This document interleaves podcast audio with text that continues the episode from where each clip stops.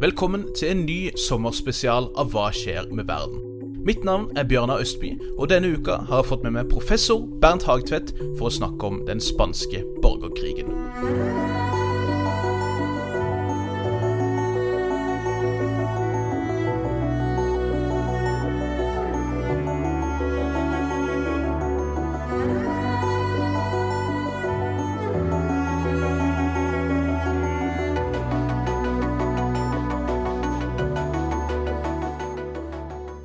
Hei og hjertelig velkommen til en ny episode av podkasten Hva skjer med verden?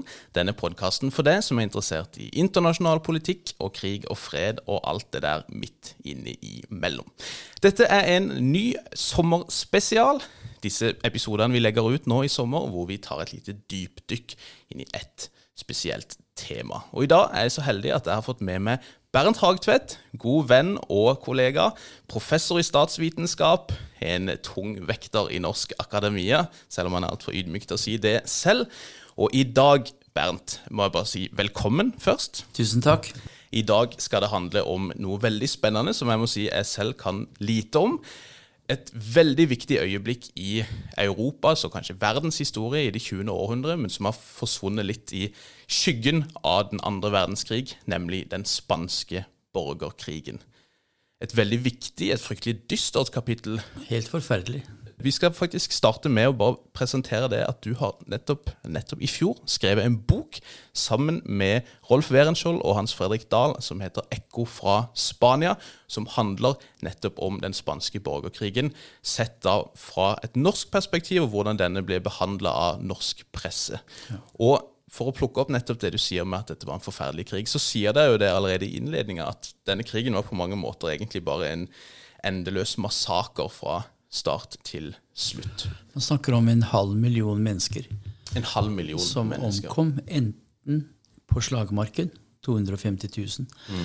eller på andre måter ved henrettelser, sult. Mm. Og ikke minst så må vi ikke glemme at Franco-regimet fortsatte å drepe sine fiender etter at han vant i april 1939. Nettopp. Fortsatte og tok republikanere og drepte 50 000 fram til 48. Eh, mm. Det var en ren hevnfred. Mm, mm. Og nettopp dette må vi jo prøve å forstå litt mer av. Og vi skal jo i disse podkastene prøve å forstå det som kanskje kan fremstå uforståelig. Og da må vi jo starte med å prøve å forstå hvorfor det ble krig akkurat i Spania, og ikke i andre land i området i denne mellomkrigstida. Spørsmålet er godt stilt, fordi Spania mangler mange av de forutsetningene for fascistisk gjennombrudd i mellomkrigstiden som andre stater hadde. Mm. La oss bare ta noen av disse forutsetningene. Mm. Spania var ikke med i første verdenskrig. Det betydde at de fikk ikke skarer av frivillige eller folk, demobiliserte soldater som ikke lot seg innpasse i det sivile samfunn. Mm. Du fikk ikke bittert Versailles-oppgjør. Frankrike, som i Frankrike og i Tyskland. Mm. Spania var ikke med i første verdenskrig. Mm. Det er det første. Hvorfor da Spania? Det mm. andre eh, Spania var eh, ikke særlig industrialisert. Det betydde at eh, effekten av den internasjonale krisen i 28 ble mindre i Spania enn f.eks. i Tyskland, mm. hvor det var massiv inflasjon og arbeidsløshet. Krisen Wall Street. Det er det andre vi kan si. Det tredje Spania hadde ingen grensekonflikter. Mm. Verken med Portugal eller uh, Frankrike. Mm. Men Spania hadde hatt en kolonikrig i mm. 1925, hvor for øvrig Franco deltok. Mm. Eh, der ble den spanske armeen ydmyket av berberstammer i Marokko. Det skapte naturligvis en såret nasjonalisme, som du finner masse av i andre europeiske land, ikke minst i Tyskland, som følge av nederlaget i første verdenskrig. Eh, I tillegg så kan man si at Spania hadde ikke hatt et forsøk på bolsjevikisk revolusjon etter første verdenskrig. Det var riktignok uroligheter. Mm. Um, det var store arbeideruroligheter i Barcelona. Catalonia var det mest industrialiserte delstaten i Spania. Mm. Men det var ingen konkrete bolsjevik-revolusjonsforsøk, slik man hadde i f.eks. Budapest, Belakon og i München. Mm. Så um, det betyr da at uh, høyresiden hadde ikke det konkrete å peke på. Nei, nettopp. Men hvis vi nå går over, etter nå å ha gjennomgått uh, forutsetningene Hvis vi går over og spør hva, hva som var det spesielle med Spania, så må vi først og fremst si at Spania hadde et usedvanlig innfløkt skillelinjemønster. For det første, det var klasse, religion, region. Alle de skillelinjemønstre som statsviteren elsker å diskutere. Monarkister, republikanere. Ja, Vi kan gå inn detaljert. For det første dype sosiale skiller. Et enormt klasseskille innenfor den industrielle sektor. Men enda viktigere enorme klasseskiller på landsbygda mellom landeiere og landarbeidere, som var sesongavhengig, som var lutfattige. Og et landbruk som ikke eh, var modernisert, som var på mange måter førindustrielt, og med en jordeierkaste i nær forbindelse med den katolske kirken. Riktig. Den katolske kirken ble betraktet som en fortsettelse av undertrykkelsen fra landarbeidere. Dette forklarer veldig mye av drapene på prester og, og munker og nonner i den første delen av borgerkrigen. 6000 prester og nonner ble myrdet det første halve året i republikkens område.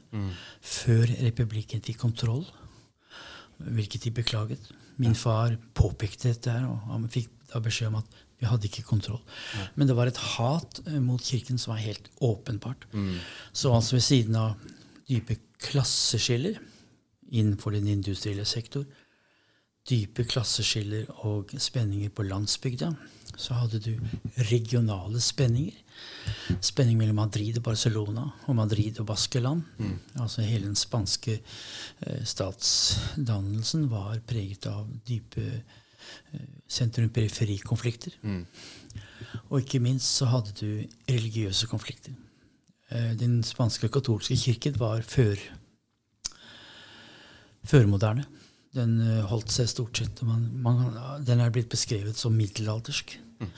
Og sto da i nært ledtog med, med landeierne. Sterkt vendt mot, eh, mot eh, de jordløse landarbeidere. Ofte med assistent, assistanse fra sivile politiet. Guardia sivil, som var hatet, selvfølgelig. Så du har altså det bestemte systemet. Religion, klasse, region, og ikke minst eh, hele, hele den rekken av eh, skillelinjer som var ekstra dype i, i Spania sammenlignet med f.eks. Mm. Tyskland. Samtidig så ble ikke landet så sterkt preget av krisen som i, i Tyskland. Og jeg hadde ikke gjennomlevd et nederlag, men det hadde en sår flenge i nasjonalbevisstheten gjennom disse kolonikampene. Man kunne også si at det spanske imperiet gikk jo i oppløsning i 1898. Hvor Cuba og Filippinene ble fjernet, ble se- selvstendige. Men det var ganske lenge siden. Så det er vanskelig å si at den spanske nasjonalbevisstheten var eh, preget av det. En veldig viktig faktor var at den spanske stat var svak. Ja. Den spanske stat var svak fordi landet var splittet opp i regioner. Og den var svak, og det betydde at den spanske staten ikke tvang den katolske kirke til modernisering. Og um, det vil si også at uh, den katolske kirke var veldig innstilt på kontroll med grunnskoleutdanningen. Det er alle kirker opptatt av. Pluss at den spanske kirken var veldig opptatt av å bevare sine eiendommer. Store landeiendommer.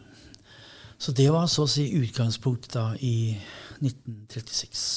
ja også, så det er jo i 1936 denne krigen virkelig starter. 26. juli til 1. april 1939. Og dette er da som et resultat av et kuppforsøk etter en slags løs koalisjon av venstreradikaler, noen i sentrum kalt eh, Folkefronten, eller Popular Front, vinner valget. Stemmer ikke det? Vi skal si noe om det. Eh, monarkiet med Alfons den 13. forlot Madrid i 1931. Det var ingen som savnet kongen. Nei. Han var svak. Og det fantes riktignok en monarkistisk falangs under borgerkrigen, men den var svak. Monarkiet var over. Så oppsto den andre spanske republikk. Den første var på 1800-tallet. Den andre spanske republikk vant valget da, i 1931. Mm. Tapte valget igjen i 1934. Og vant valget igjen så vidt i februar 1936. Mm. Men det var ikke store forskjeller. Det var tøffe valgkamper. Men venstresiden vant første gang, tapte så også eh, i, vant på ny da i 1936. Det som er karakteristisk for eh, disse valgene, var at eh, det lønte seg å ha allianser. De som klarte å skape allianser, fikk et uforholdsmessig stort antall mandater i nasjonalforsamlingen. Mm. Og det man kan si, det var at begge parter var opportunistiske demokrater. Mm. I den bestemte forstand at de var demokrater så lenge de tjente deres egne interesser. Så det var ingen tillit til at maktskifter kunne skje eh, fredelig. Mm. Eh, den katolske høyresiden organiserte seg under Calvo Sotelo i SEDA, som var et bredt borgerlig parti, men var sterkt høyreorientert. Og som ikke anerkjente republikken i det hele tatt. Mm. Venstresiden var nesten ute av stand til å forme koalisjoner. Problemet der var jo at kommunistpartiet var lite. Mm. På høyresiden var fascistpartiet lite. Så det er et interessant paradoks at den borgerkrigen som ble fremstilt som den store titanenes kamp mellom høyre og venstre, mellom fascister og kommunister Begge ytterliggående partiene hadde, var veldig få. Mm. Fascistpartiet fikk 0,08% av stemmene. Kommunistpartiet var også veldig svakt. Så det er et paradoks. Mm. En interessant her er at koalisjonsmulighetene var veldig få. Mm. Til venstre så sto eh, PSOE, Sosialistpartiet, under ledelse av Franco Caballero. De var aldri i stand til å gå fullt og helt inn i regjeringskoalisjonen. De hadde et tvetydig forhold til republikken. Mm. De mente at republikken var for svak og ikke gjennomførte sosiale reformer raskt nok. Nei. Ja. Samtidig gikk de ikke inn i republikken, og de hadde på sin side regionale partier fra Catalonia. De hadde kommunistpartiet. Og de hadde et, et borgerlig venstreparti. Det var en skjør koalisjon. Mm. Og det er nok riktig å si at, eh, at eh, noe av problemet til venstre var den såkalte maksimalistiske fløyen i Sosialistpartiet, altså de som ville revolusjon, mm. men som ikke sa det helt tydelig. Caballero ville jo ha maksimale krav. Mm. Og det gjorde at han skremte vettet av høyresiden. Strategisk tabbe. At pga. de radikale kravene innenfor Sosialistpartiet så ble relativt liberale katolikker skremt vekk fra å støtte republikken. Mm. Det var åpenbart en større potensial for støtte mot, mot sentrum. Mm. Samtidig så var de republikanske eh, kabinettene veldig eh, skjøre. Hyppige regjeringsskifter. Og preget av veldig problemer med, i forhold til Kirken. Mm. Og der er det én ting som er viktig å merke seg her. Det er at uh, republikkens kabinetter var preget av intellektuelle. Sånn som oss. Livsfarlig. Det, vil, det, vi vil, det er selvfølgelig å sekularisere. Det republikkens intellektuelle ville, det var å bringe Spania inn i det 20. århundre. Svekke kirkens makt. Sekularisere landet. Overta grunnundervisningen. Og gjøre den offentlig. Og frata kirken landeiendommene. Mm. Men staten hadde jo ikke penger til å løse kirken inn. Nei. Så det var et stort paradoks der. Nei, og samtidig er det grunn til å merke seg at dette var en feil dagsorden. Mm. Det republikken vil, burde ha gjort, det er lett å si nå, det var å satse på et gigantisk uh, infrastrukturprogram. Mm. Telegraf, veier, tunnel, havneanlegg. Industrialisering for å få bort den massive arbeidsløsheten og skape arbeidsfred. Men problemet var at republikken hadde jo ikke penger. Nei. Og dette var jo før Kanes idé om låneopptak og bruke staten i nedgangstider. Mm. Altså Den intellektuelle redskapskassa hadde de, de hadde ingen forestilling om at de kunne bruke staten på den måten der. Så resultatet var altså at republikkens program var for ambisiøst. Og det var feilslått i den betydning at det skulle ikke ha satset på sekularisering i første omgang. De Skulle ha satset på industrireising. Ved å satse på sekularisering så gjorde de kirken til sine fiender og skremte bort liberale katolikker. Det var en strategisk tabbe. Samtidig var eh, koalisjonen svak, fordi PSOE, altså Sosialistpartiet, gikk inn og ut og deltok ikke fullt og helt i, eh, i regjeringen. Det var situasjonen på venstresiden. Til høyre så, så samlet Calvo Sotelo um, de konservative. Og han aksepterte aldri republikken. Mm. Og han eh, begynte øyeblikkelig å konspirere med armeen. Og her har vi en annen viktig faktor i Spania, Bjørnar, mm. nemlig at uh, Spania hadde et altfor stort armékorps. Det var inflatert armékorps som følge av uh, kolonikrigene. Ofte et inkompetent armékorps, mm. som selvfølgelig aldri var innstilt på republikken. Mm. Og en annen strategisk var jo Manuel Asanya, som var den store republikanske politiker. Som forsvarsminister prøvde han da å endre pensjonssystemene. Kutte ned tallet på offiserer. Mm. Veldig uklokt, uklok i en situasjon hvor du selv var svak. Ja. Så en rekke strategiske feilvurderinger sammen med et veldig komplisert uh, skillelinjesystem. En venstreside som var for ambisiøs uten å kunne følge opp. De betydde at de skjøv fra seg de som de burde ha stø eh, fått støtte fra. Mm. Landarbeidere og arbeidere. De var jo skuffet over republikken. Og så får du da den tragiske situasjonen i 1934. Du får en gruvearbeiderstreik i Astorias som slås blodig ned av hvem? Francisco Franco. Mm. 3000 døde. Arbeiderne mener at de er i en revolusjonær situasjon. Mm. De tror at de er i Petrograd i 1917. Mm. Eh, Caballero, som kalles Spanias Lenin, har en retorikk som åpner for mulighetene for revolusjon. Og de blir slått massivt ned. Mm. Anarkister var bl.a. med der. Mm. På mange måter så dør den spanske republikken i 1934. Ja. ja. Og når vi da nærmer oss denne krigen, så er det jo nettopp fra armeen man skal få det. Det er generaler som konspirerer, deriblant Franco.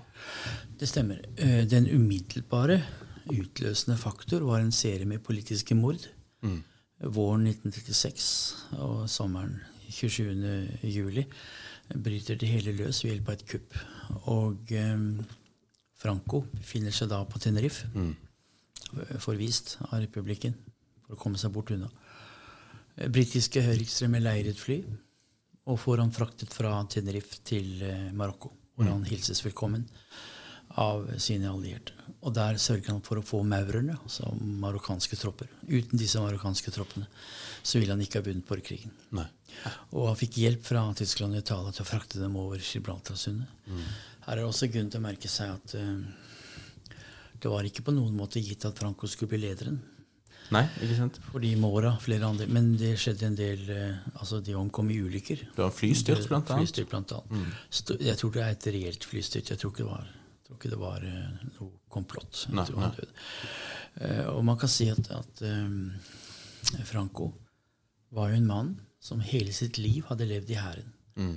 Han ble oppdratt i uh, arméhovedkvarteret, Militærhøgskolen i Burgos. Mm. Hele sitt liv levde han i militæret.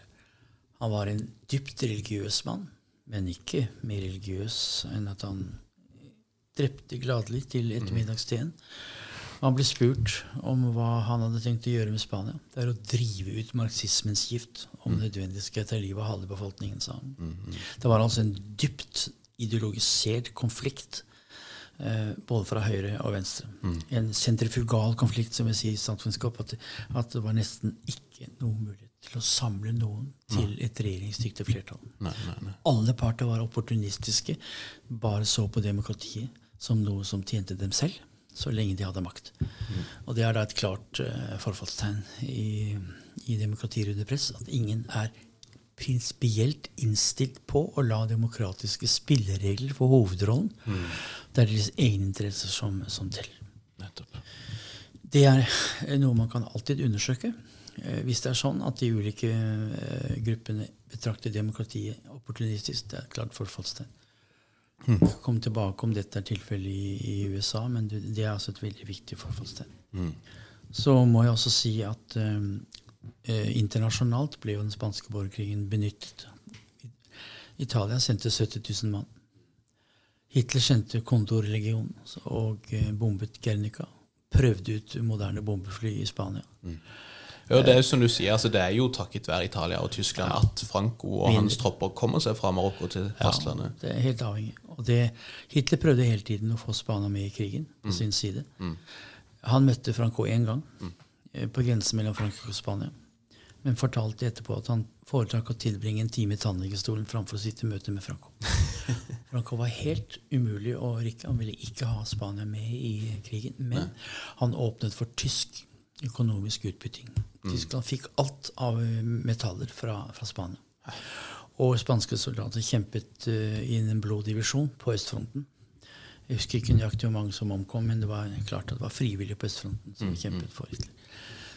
Så kan man si internasjonalt at spanske borgerkrigen var også viktig i den forstand at før den spanske borgerkrigen så gir det ikke noe rimelig, rimelighet å snakke om internasjonal fascisme. Nei, det var spenninger mellom Mussolini og Hitler knyttet til Brennepasset, Mm. knyttet til Østerrike.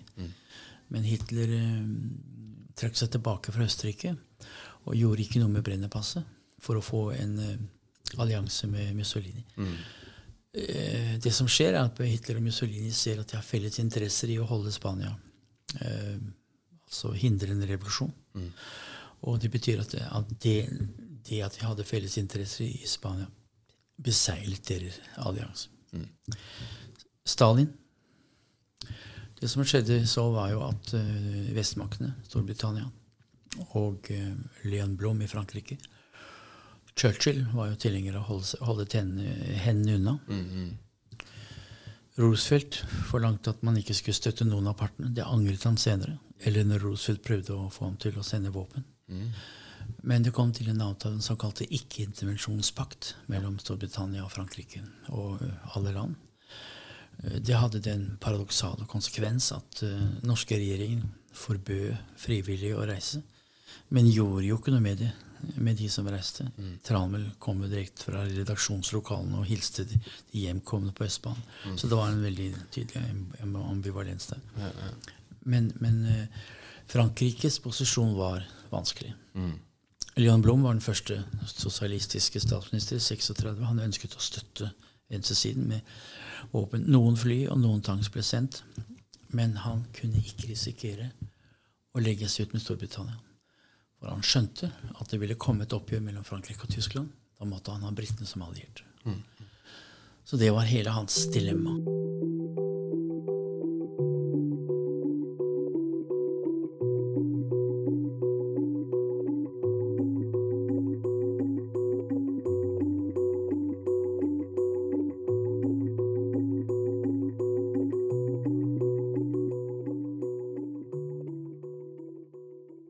Kan vi kanskje snakke litt om Stalin. Ja, for altså, situasjonen her fra 36 til 39 det er jo egentlig en, en lang marsj mot uh, natt, hadde jeg nær sagt, for republikken, der Frankos styrker gradvis konsoliderer kontroll både i vest og nord, og til slutt da eh, skviser inn Madrid, Ja. som tas til slutt. Storbritannia og Frankrike griper ikke inn. Nei. Støtten kommer delvis fra frivillige, som vi kan komme til snart, Ja, ja. men også fra Stalin. Og Du kan kanskje snakke litt også om hvordan det, Dette handler jo ikke kun om Spania fra Stalins perspektiv. Det handler jo om innenrikspolitikk også. Min far var 150 meter fra maurerne, eller fra araberne, i eh, Madrid. Han skrev om det. Jeg har bilder fra det. Og han var veldig imponert over hygieneforholdene i sky- skyttergravene. For din far var lege, ikke sant? Han var lege, to-tre år gammel. Dro han som lege til Spania. Og det han kunne fortelle, var at uh, Franco hadde jo helt kontroll. Så han lot eh, vannet farge rødt nå og da for å vise sin makt. Men det jeg sier nå, har jo sitt utgangspunkt i det du sa. Madrid regnet man med ville falle allerede i 36. Men byen falt ikke fordi de internasjonale brigader kom og støttet. Og internasjonale brigader var stort sett kontrollert av kommunistene på Komintern. Og vi vet nå at forholdene innad i brigadene var ganske forferdelige. Mm. De henrettet mange av sine egne. Og tysk, eh, sterke autoritære tyske ledere, kommunister, kontrollerte. Men det var en internasjonal reaksjon. Det kom masse amerikanere, briter, franskmenn. Man snakker vel om 400 nordmenn. Og eh, så, så, så Madrid ble reddet av, av internasjonale brigader. Stalin hadde selvfølgelig en interesse av å hindre at Spania ble, ble høyreorientert, ble fascistisk. Men hans dilemma kan fremstilles på følgende måte. Stalin ønsket å få vestmaktene til å kaste Hitler Altså hindre at Hitler gikk til angrep mot Sovjet. Sovjet. Han regnet med at et oppgjør mellom Sovjetunionen og Tyskland ville komme. Kjøpte seg tid. For å få vestmaktene til å stagge Hitler, så måtte han ikke gi inntrykk av at kommunistpartiene var mot demokratiet. Han måtte altså stagge kommunistpartiet. Han forsto at det var en gedigen tabbe å kalle sosialdemokratene sosialfascister. Det hadde medvirket til at Hitler kom til makten. Så under Kominterns kongresser i 1934 så kommer det en standpunktendring. Og at man ikke lenger snakker om uh, med, med de sosialdemokratiske partiene som sosialfascister. Stalin gir beskjed til kommunistpartiene om å gå i allianse, folkefrontallianse med de sosialdemokratiske partiene for å stage fascismen. Det vil altså si at han heller ikke i Spania måtte bli tolket dit hen at han var tilhenger av revolusjon. Så du får den store paradoksale situasjonen at det spanske kommunistpartiet, som jo fikk direkte støtte fra Stalin Stalin sendte tanks og. Det spanske kommunistpartiet var tilhenger av eh, borgerlig Mm. Ville støtte eiendomsforholdene. Så kom da en eh, situasjon hvor de la seg ut med det trotskistiske partiet, der Orwell tjenestegjorde, POUM, og la seg ut selvfølgelig med, med Sosialistpartiet. Tvang hele republikken da, til å oppgi sitt revolusjonære sikte. Det er paradoksalt at det spanske kommunistpartiet sto ledtog med Spanien, med Stalin. Stalin ville dempe kommunistpartiets revolusjon av frykt for å bli utlagt for å være revolusjonær. Og det ville svekke Stalins posisjon internasjonalt og, og bare bidra til at Frankrike og, og, og Storbritannia sa se, se hva Stalin gjør hele tiden. Så det var i internasjonale forhold som avgjorde eh, Stalins holdning. Det paradoksale er da at kommunistpartiet blir da det modererende element. Ja. Og det er det som da skjer i Barcelona. At det oppstår en borgerkrig i borgerkrigen mellom anarkistene på den ene side, trotskistene på den ene side, og så selvfølgelig kommunistpartiet. Det er det som skjer i april 1937, hvor eh, Orwell kommer. Og vi, vi, vi tar oss eh, tid til et lite eh, sidesprang her. og eh, Kan du ikke fortelle litt om nettopp George Orwell, og hvordan Spania kan ha vært en inspirasjon til hans veldig kjente bok 1984 også? Ikke bare 1984, men 'Homage og Catalonia' er jo den viktigste boken, politiske boken som kom i 20 årene, mine. jeg. 'Homage og Catalonia' kom i 38. Orwell visste at han måtte kjempe i Spania. Han drar som frivillig. Han stikker innom Arthur Miller, pornografen i Paris. Arthur Miller Uh, han hvorfor skal du kjempe i Spania. Hva er poenget med det? Alle rettelige mennesker må kjempe i Spania, sier Orwell. Ved en tilfeldighet kommer han inn i POUM, som var en trotskistisk uh, avdeling innenfor Folkefronten, og ble sendt øyeblikkelig til, til, til fronten. Eh, etter at han har vært i Barcelona, så får han en kule halvannen millimeter fra hovedpulsåren. Yes. Og han eh, beskriver hvordan den kulen traff. Puff. Du føler ingenting. Du bare sier 'nå dør jeg'. Og det var ren tilfeldigheter at, at han overlevde.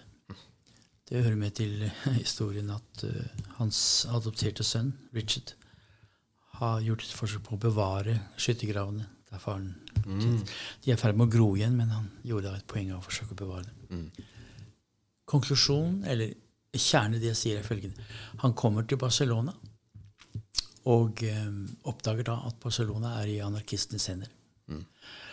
Den spanske anarkismen er fascinerende. Det er en dypt moralsk, voldelig del av arbeiderbevegelsen. Den hadde også trotskistiske eh, tendenser. Og de kontrollerte da Barcelona.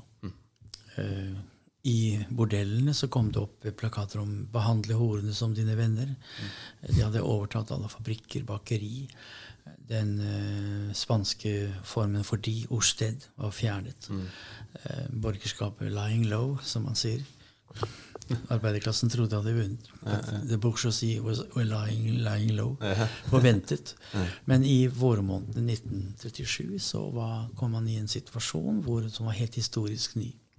Han sa jeg forstår ikke alt jeg ser, men det jeg ser, er åpenbart noe som er verdt å kjempe for. sa Han Han tar inn på et hotell, møter kona si, Eileen, som dør i en operasjon ikke så mange år etterpå. Tragisk. De hadde et veldig godt ekteskap. Og hun sier 'kom deg vekk', kom deg vekk. Hva, hva, men? Kom deg vekk. Hvis ikke så blir du øyeblikkelig meldt. Og den stemningen av polititerror og overvåkende telefoner går rett inn i 1984. Det som har skjedd, var jo at alle som hadde tjenestegjort i eh, POUM, de ble ettersøkt av regjeringen, som da var under kontroll av kommunistpartiet. Nettopp. Og Det er jo kanskje viktig å klare opp i det at vi tenker gjerne instinktivt at 1984 og den det totalitære Big Brother, det er liksom høyre totalitære regimer det skal advare mot. Like også Venstre. Han var opptatt av det samme kunne se til venstre. Han eh, overnatter på eh, taket på sitt hotell. Jeg har vært der. Masse fine plaketter i Rambland der. Og han, han, han forstår ikke Men jeg, eh, det er kommunister som sitter på andre siden. Hør, er, er ikke vi i samme krig, sier han. Men er ikke vi venner, da?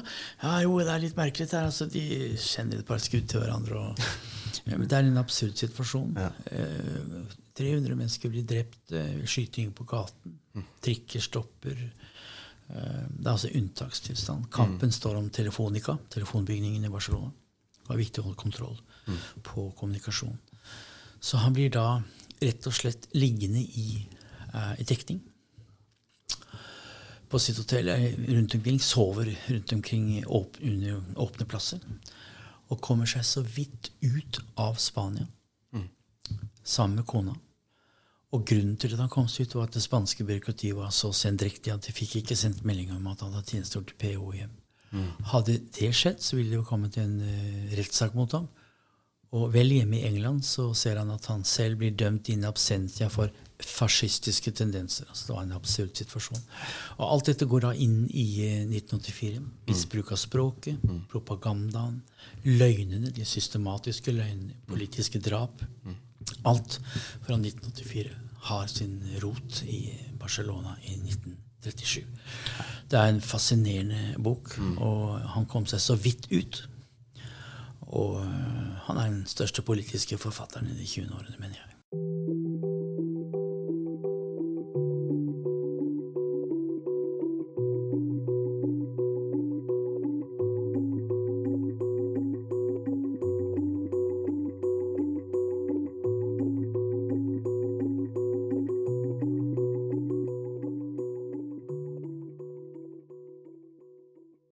Det jeg syns er fascinerende med den spanske borgerkrigen, også som en som ikke kan så mye om den, er jo det å se hvor stort inntrykk den gjorde på store deler av, av Europa spesielt, men, men Vesten mer generelt, kan vi godt si. Um, og også da hvor traumatiserende denne opplevelsen ble. Jeg kan jo lese et lite sitat som dere har lagt inn i boka deres, fra Albert Camus. Eh, som sier at min generasjon hadde Spania i sine hjerter og brakte det med seg som et vondt sår. Det var i Spania menneskene lærte at en kan ha rett og likevel bli slått, at makt kan knuse ånd, og at det er tider da mot ikke er nok. Uten tvil er det dette som forklarer at så mange mennesker verden over føler det spanske dramaet som en personlig tragedie. Det var en dypt symbolmettet konflikt. Og grunnen til at den var så symbolmettet, det var jo at eh, republikken sto for opplysning, framskritt, industrialisering, demokrati. Mens eh, høyresiden sto for diktatur, fascisme, troskontroll, middelalderlige samfunnsform, undertrykkelse av ikke minst landarbeidere og arbeidere.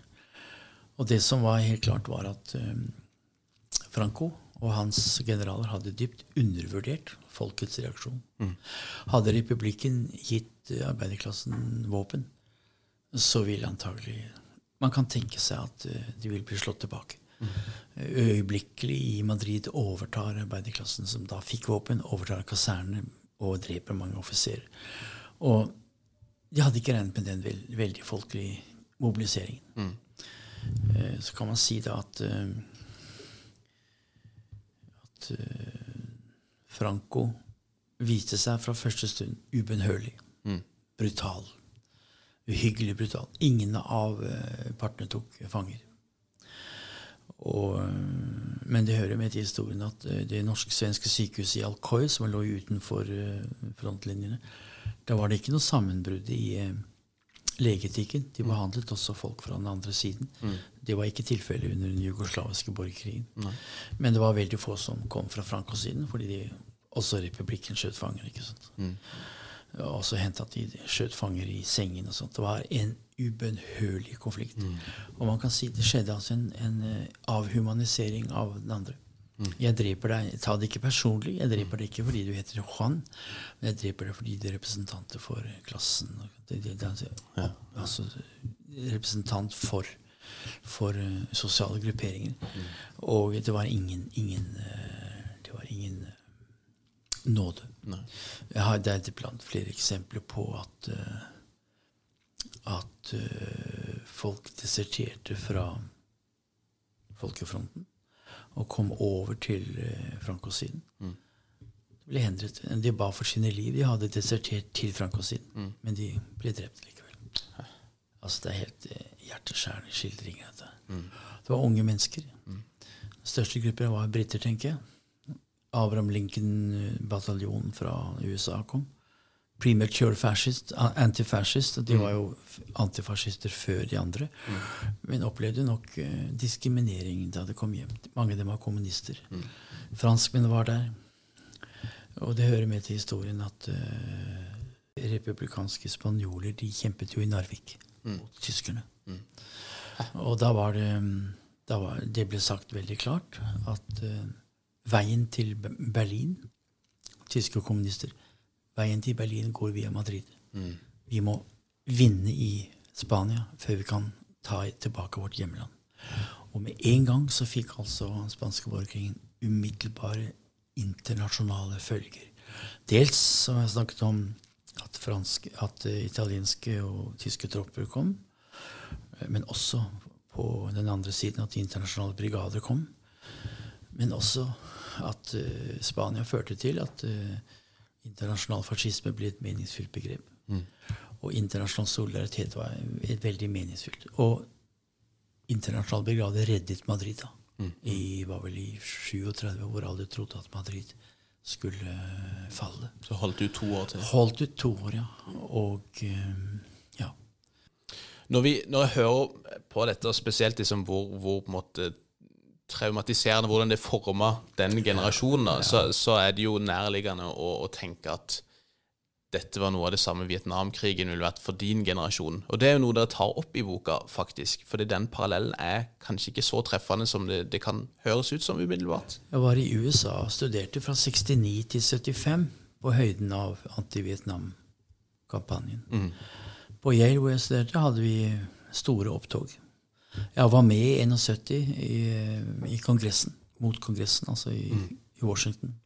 300 000 demonstrerte. Peter Paul and Mary sang, og George McGovern talte. Det var veldig bevegende å være med. Utenfor Det hvite hus og hadde folk seg og røykte. og var, var en happening samtidig. For den generasjonen, altså etterkrigsgenerasjonen, var det helt åpenbart at, at uh, Vietnam Det ble ikke så ofte sammenlignet med Spania. Nei. Ingen reiste frivillig til Vietnam. Nei. Da, eh, det amerikanske engasjementet var man uenig i, men man var ikke villig til å ofre livet for å kjempe på Ho Chi Minhs side. Nei. Og det er vel riktig å si at eh, venstresiden i USA tenkte ikke gjennom hva resultatet var. Resultatet måtte jo bli, Bjørndal, et kommunistisk diktatur. Ønsket Vietnam-opposisjonen det? Det sa de aldri noe klart fra. Nei, Det var få som sa vi ønsker kommunistisk diktatur. Det som var kjernepunktet, det var rett og slett at eh, USA hadde ikke noe der å gjøre. Det var en antiimperialistisk uh, idé. Og det var et gedigent feilslag. Les Robert McNamaras uh, memoarer. Han ved å preget livet liv ut, og at han tok feil. Og det hører med til historien at CIA hadde et veldig godt innblikk av hva som skjedde. Pentagon-papiret med Daniel Ellsberg, som lever den dag i dag, viste veldig tydelig at dette var en lokal borgerkrig. Og en bondekrig. Min lærer Stein Rokkan sa det med en gang. Dette er en klassisk bondekrig. Har ikke noe med kommunisme å gjøre. Nei, nei. Og, og det var det som var Vietnam-opposisjonens kjernepunkt, nemlig at USA hadde ikke noe der å gjøre. Nei. Og det var viktig i den forstand at uh, for min generasjon ble jo USA betraktet som den virkelig en onde. At det var mulig eh, for, for amerikanere eller for den amerikanske stat å gjøre dette her. Helt ufattelig, altså. Med giftbomber og ja, hele den situasjonen. Så sammenligningen er naturligvis der. Og det er også korrekt at australiere setter jo tropper. Det var flere som setter tropper. Men Vietnam hadde ikke den samme symboldimensjon som Spania hadde. Hadde en symboldimensjon. Antiimperialisme, et lite land, bondeland mot en diger nasjon. Men hadde ikke den samme appell, må man kunne si. Jeg tenker jo kanskje egentlig borgerkrigen i Syria er en bedre parallell, i hvert fall sånn for, for min generasjon. Vi ser jo en del av de samme trekkene. At det, det har vært en magnet for eh, ideologiske fremmedkrigere egentlig på alle kanter. Eh, Assad-regimet har mobilisert Ja. både statlige og ikke-statlige aktører. Vi ser eh, mange anarkister og kommunister som drar Men det er ingen nordmenn som reiser for å støtte mm, demokratiske bevegelser i Syria. Vi har vel hatt noen få som har kjempa for YPG, disse kurderne. Og så ble det jo en eh, diskusjon av hvor demokratisk denne, Ja, denne autonome sona i Nordøst-Syria er. Um, samtidig så, så syns jeg også man ser mye av disse her samme traumatiserende dynamikkene, denne håpløsheten. Eh, det kan se ut som dette fryktelig brutale Assad-regimet vil gå seirende ut av konflikten.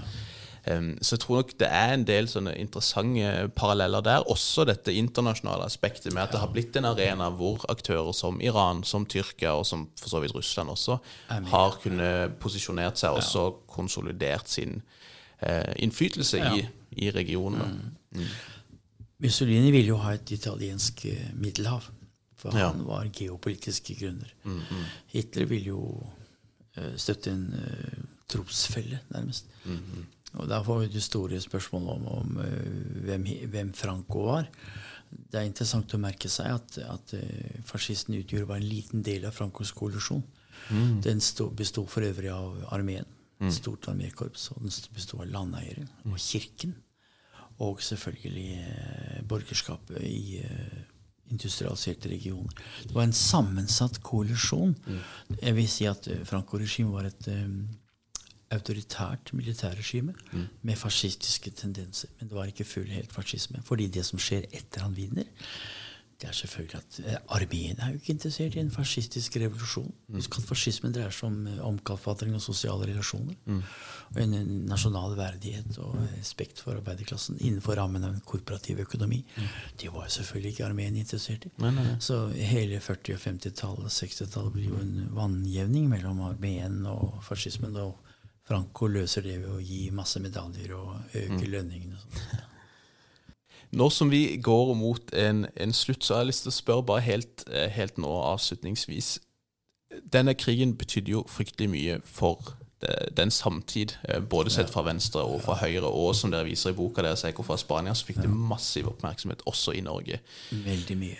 Hva, hva tror du er grunnen til at den har liksom Altså annet enn det mer åpenbare om at andre verdenskrig kommer rett etterpå, hva tror du kan være grunnen til at vi snakker så lite om den spanske borgerkrigen den dag i dag, og at den i hvert fall for meg fremstår nærmest bare som en, en fotnote i 20. århundrets historie? Spanske borgerkrigen var den mest voldelige konflikt mellom de to verdenskrigene i Europa.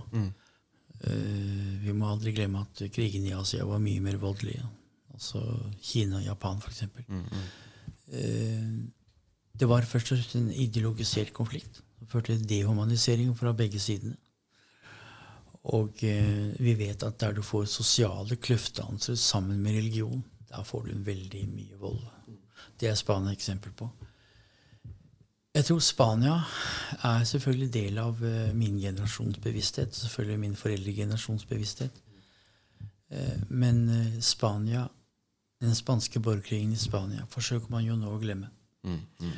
Spania i dag har jo foretatt et oppgjør med frankotiden som få andre land, i en dybde som få andre land har fulgt opp. Bare et, et års tid siden Franco selv ble flytta.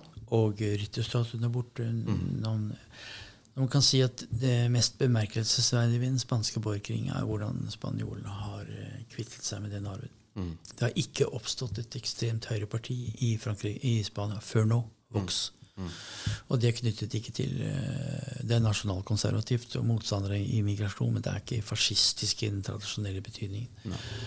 Og jeg vil si at i det store perspektiv så er den spanske overgangen til demokrati fra 1975 til 81, hvor altså kong Juan Carlos av, avviser kuppforsøket, det er en enormt viktig begivenhet. Jeg kan ikke si at Nelson Mandela tenkte sånn, men det vil ikke overraske meg om Nelson Mandela sa hører jeg hvis Spania med den fortiden kan få til demokrati, så burde vi i eh, Sør-Afrika klare det også. Raseskille er selvfølgelig ganske dyptgående. Men Sør-Afrika hadde jo ikke den borgerkrigen som, som Spania hadde. Og kanskje Nelson Mandela sa at Spania har fått det til, gir håp for Sør-Afrika. Jeg tror det. Så det betyr at den spanske overgangen er av helt avgjørende betydning for å forstå demokratiets overlevelsessjanser i Europa. Og med det, Bernt, så tror jeg vi må si tusen hjertelig eh, takk. Jeg anbefaler på det sterkeste å lese boka 'Ekko fra Spania' med Bernt Hans Fredrik Dahl og Rolf Werenskiold, publisert på Dreyer forlag i 2019. Så tusen takk, Bernt. er Og så er ønsker vi en god sommer videre.